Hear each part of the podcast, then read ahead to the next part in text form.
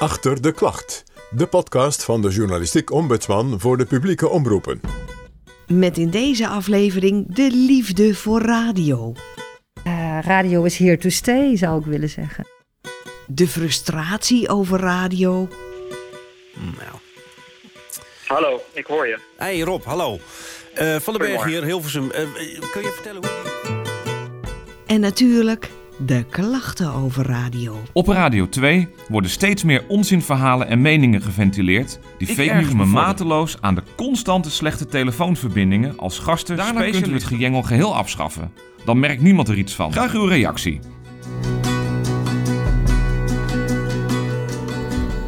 Fijn dat je luistert naar Achter de Klacht. Ik ben Margot Smit, de journalistieke ombudsman voor de publieke omroepen. Het is je vast niet ontgaan, maar de radio is jarig. Dit jaar vieren we 100 jaar radio-uitzendingen in Nederland. Op 6 november 1919 begon Hanzo Henricus Schotanus Asteringa Itzerda met drie uurtjes muziek vanuit de Beukstraat in Den Haag. Die uitzending is jammer genoeg niet bewaard gebleven. Maar nu, 100 jaar later, hebben we zes landelijke en 13 regionale publieke radiozenders en een heleboel lokale zenders. Als ombudsman ga ik, zou ik zeggen, alleen maar over de journalistieke programma's van de landelijke publieke omroepen.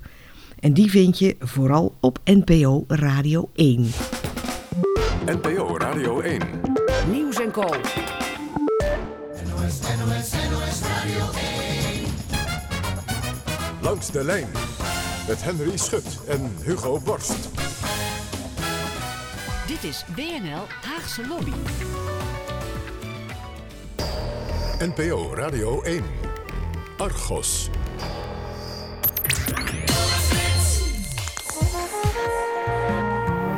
Focus. Met Jacob de Vries.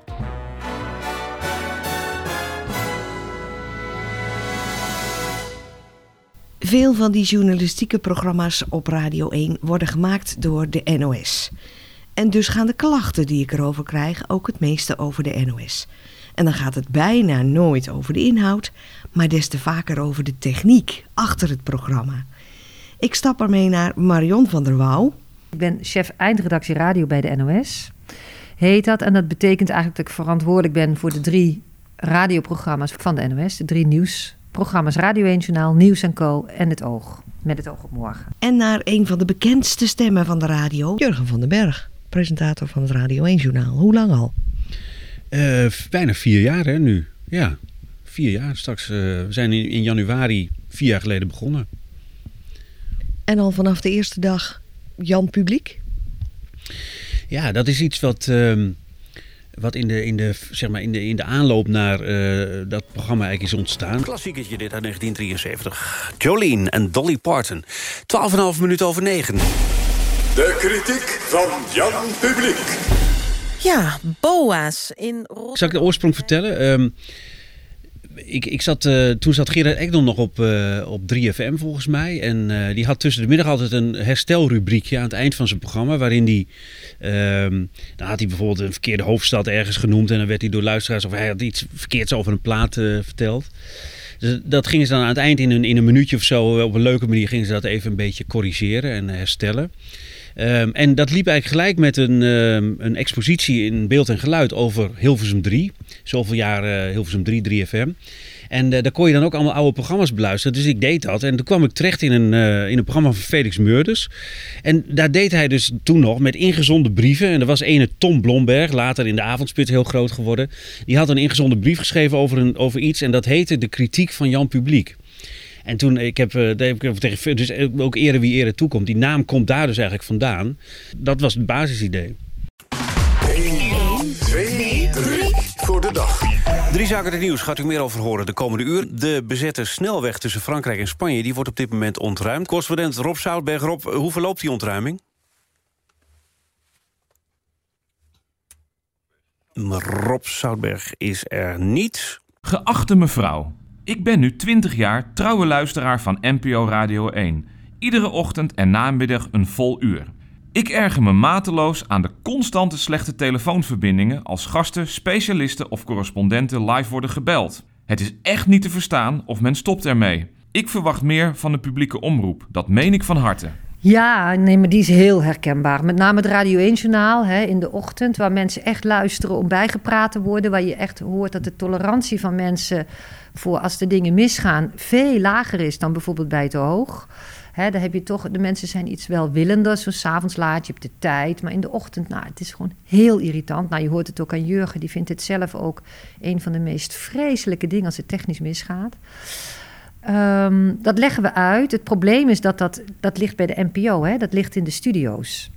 Mensen begrijpen vaak niet al die verschillen tussen die omroepen. Dat snap ik heel goed. En de luisteraar heeft daar eigenlijk ook geen boodschap aan, hè? Geen boodschap aan. Maar het lastige voor ons is wel dat wij er niet zoveel aan kunnen doen. We kunnen dus inderdaad, uh, dat maakt heel machteloos. Je kan alleen maar zeggen, ja, heel vervelend, wij lopen er ook tegenaan.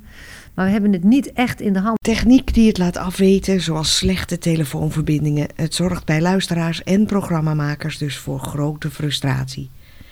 Dat weten ze ook bij de NPO. Die verzorgt de techniek van die radio-uitzendingen. Het zijn daar echte achter de schermen mensen. Die willen zelf liever niet in een podcast. Maar ze leggen me wel een paar dingen uit.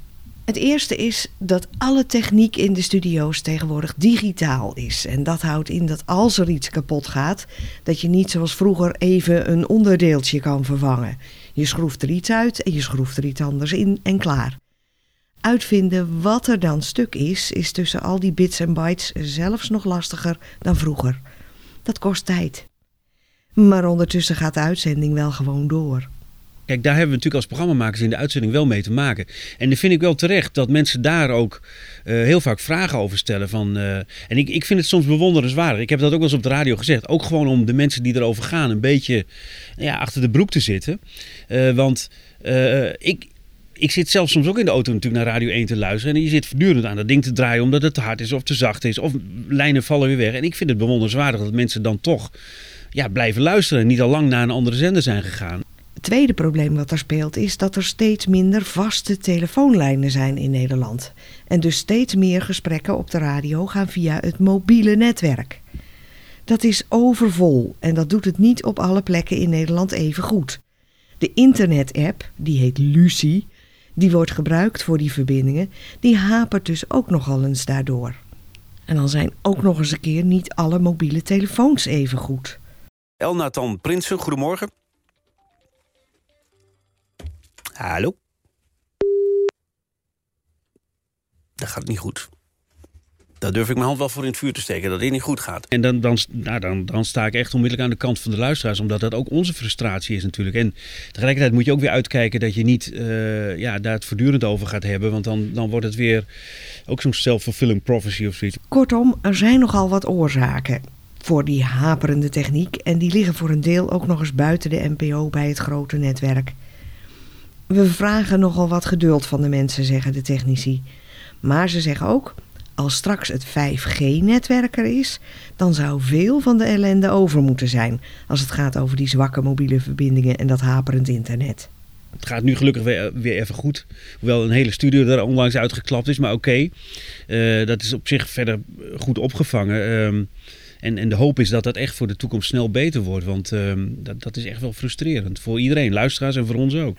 En live is altijd spannend. En kijk, live radio is ook, dat is de functie van radio die, waarvan je ook ziet, die toeneemt. Hè, op momenten van live sport en live nieuws gaat iedereen naar de radio.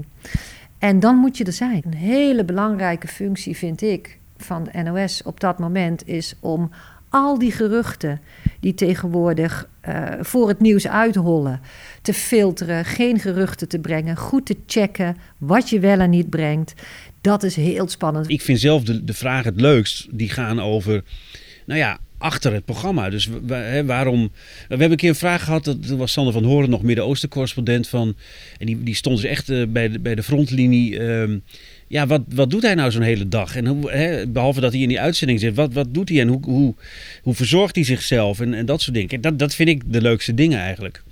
Um, nou ja, mensen zijn ook uh, soms kritisch om het kritisch zijn. Uh, heel vaak heel vaak klopt het dan net niet wat ze gehoord hebben. En ik probeer dan ook wel wat tegengas te geven. En ik weet dat mensen dat dan heel vervelend vinden. Want die zeggen dan, je nodigt mensen uit om kritiek te geven. En dan ga je een beetje er tegenin. Ik probeer wel mensen gewoon...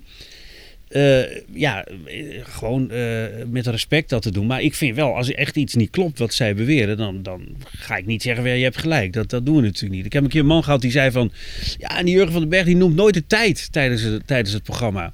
Dus toen heeft degene die het altijd voorproduceert, uh, heeft gewoon van een uur lang even al die tijdmeldingen achter elkaar gezet. Nou ja, dat is dan een manier om te horen van, ja, het gebeurt wel echt wel. En uh, niet om, om diegene dan een hak te zetten, maar ja, daardoor wordt het ook een, een, uh, wordt het ook een leuke rubriek misschien. Want er zijn mensen die zeggen, ik vind het hartstikke leuk dat jij ook af en toe tegengas geeft. Er zijn ook mensen die zeggen, ja, um, je kunt niet tegen kritiek. Dat hoor ik dan ook heel vaak. Dan zeg ik altijd van, nou, weet je jongens, de keren dat ik dan mensen wel gelijk geef, maken jullie iets over aan een goed doel. En dan gaan we aan het eind wel eens kijken hoeveel geld je kwijt bent.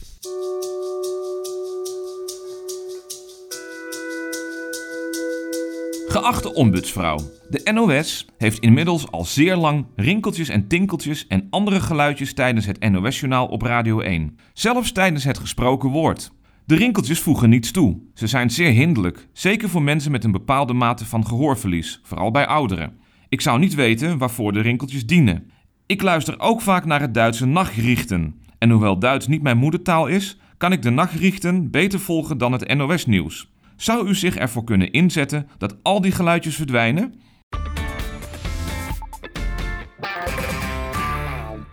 Kijk, die, die dingen hebben een functie.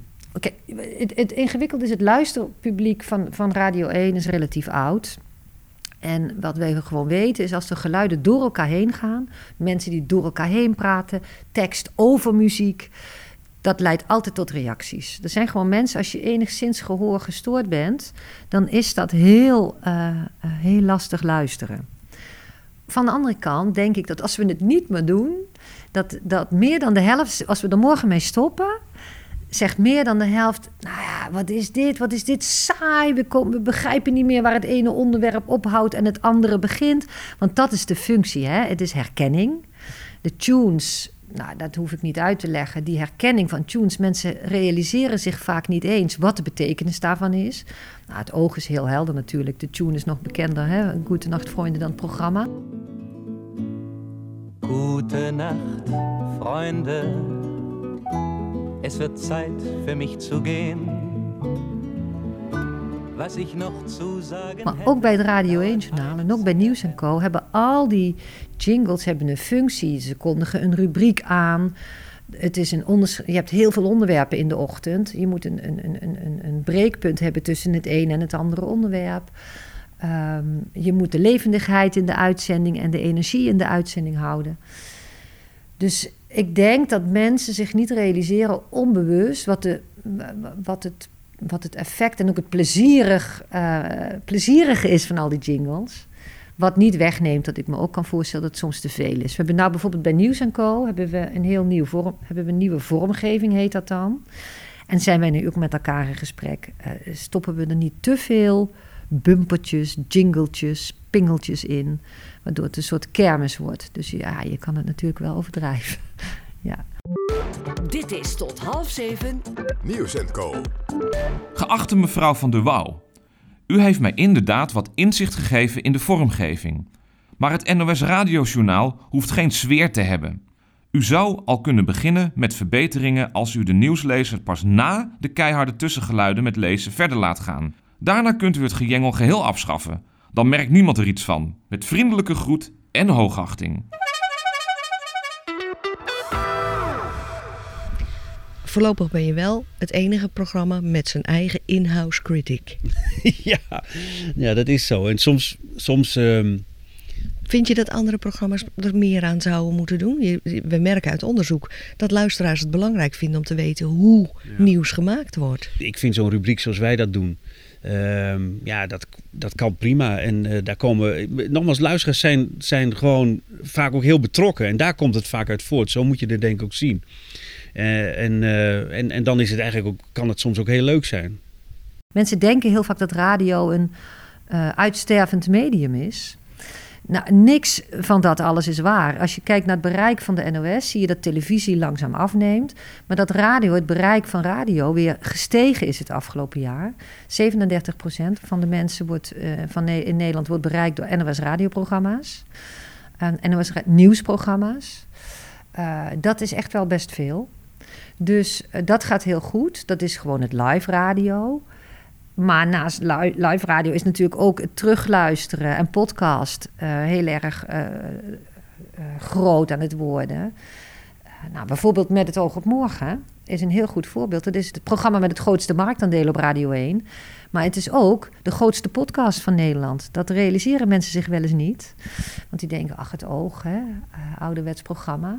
Maar op, in alle podcastlijstjes staat de, dagelijkse uitzending van Met het Oog op Morgen als terugluisteruitzending bovenaan.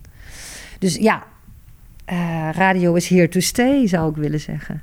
Grappig dus dat ik eigenlijk over radio de meeste klachten krijg waar ik helemaal niet zoveel mee kan. Technische klachten. Die moeten anderen dus oplossen. Als ik klachten over de inhoud krijg, dan is het vaak Waarom besteedt u hier geen aandacht aan? Waarom zoveel aandacht voor dat? En dat zijn van die vragen die elke keer weer terugkomen op journalistieke keuzes. Keuzes waar ik in een volgende podcast zeker een keer op ga terugkomen. Want dit is wel een van de dingen waar ik heel veel vragen over krijg. Aandacht voor nieuws of juist geen aandacht voor nieuws. Tot zover deze aflevering van Achter de Klacht, de podcast van de Nieuwsombudsman voor de publieke omroepen. Heb je zelf vragen over het werk van de ombudsman? Laat het me weten, dan maken we er misschien een keer een podcast van. Mailen kan naar ombudsman.npo.nl. Daar mail je ook je klachten over de journalistiek naartoe. En ga een keer naar de website ombudsman.npo.nl. Daarop vind je al mijn uitspraken over klachten en mijn oordelen over de vragen van het publiek. En ook eerdere afleveringen van deze podcast. Deze aflevering werd gemaakt samen met Wilma de Weert. Stemmen zijn van Dennis het Jong en Hans Hogendoren. Technische ondersteuning van Peter Riemslag-Baas, Hans van Raai en Jacob de Vries. Vormgeving Martine Eelman. Advies en coaching Katinka Beer. En de muziek die blijft van Boris McCutcheon en Calexico. Wil je een volgende aflevering weer luisteren? De Ombudsman podcast vind je op je favoriete podcastplatform. En heb je wat te vragen, te klagen of te zeggen? Mail naar ombudsman.npo.nl. Tot achter de volgende klacht.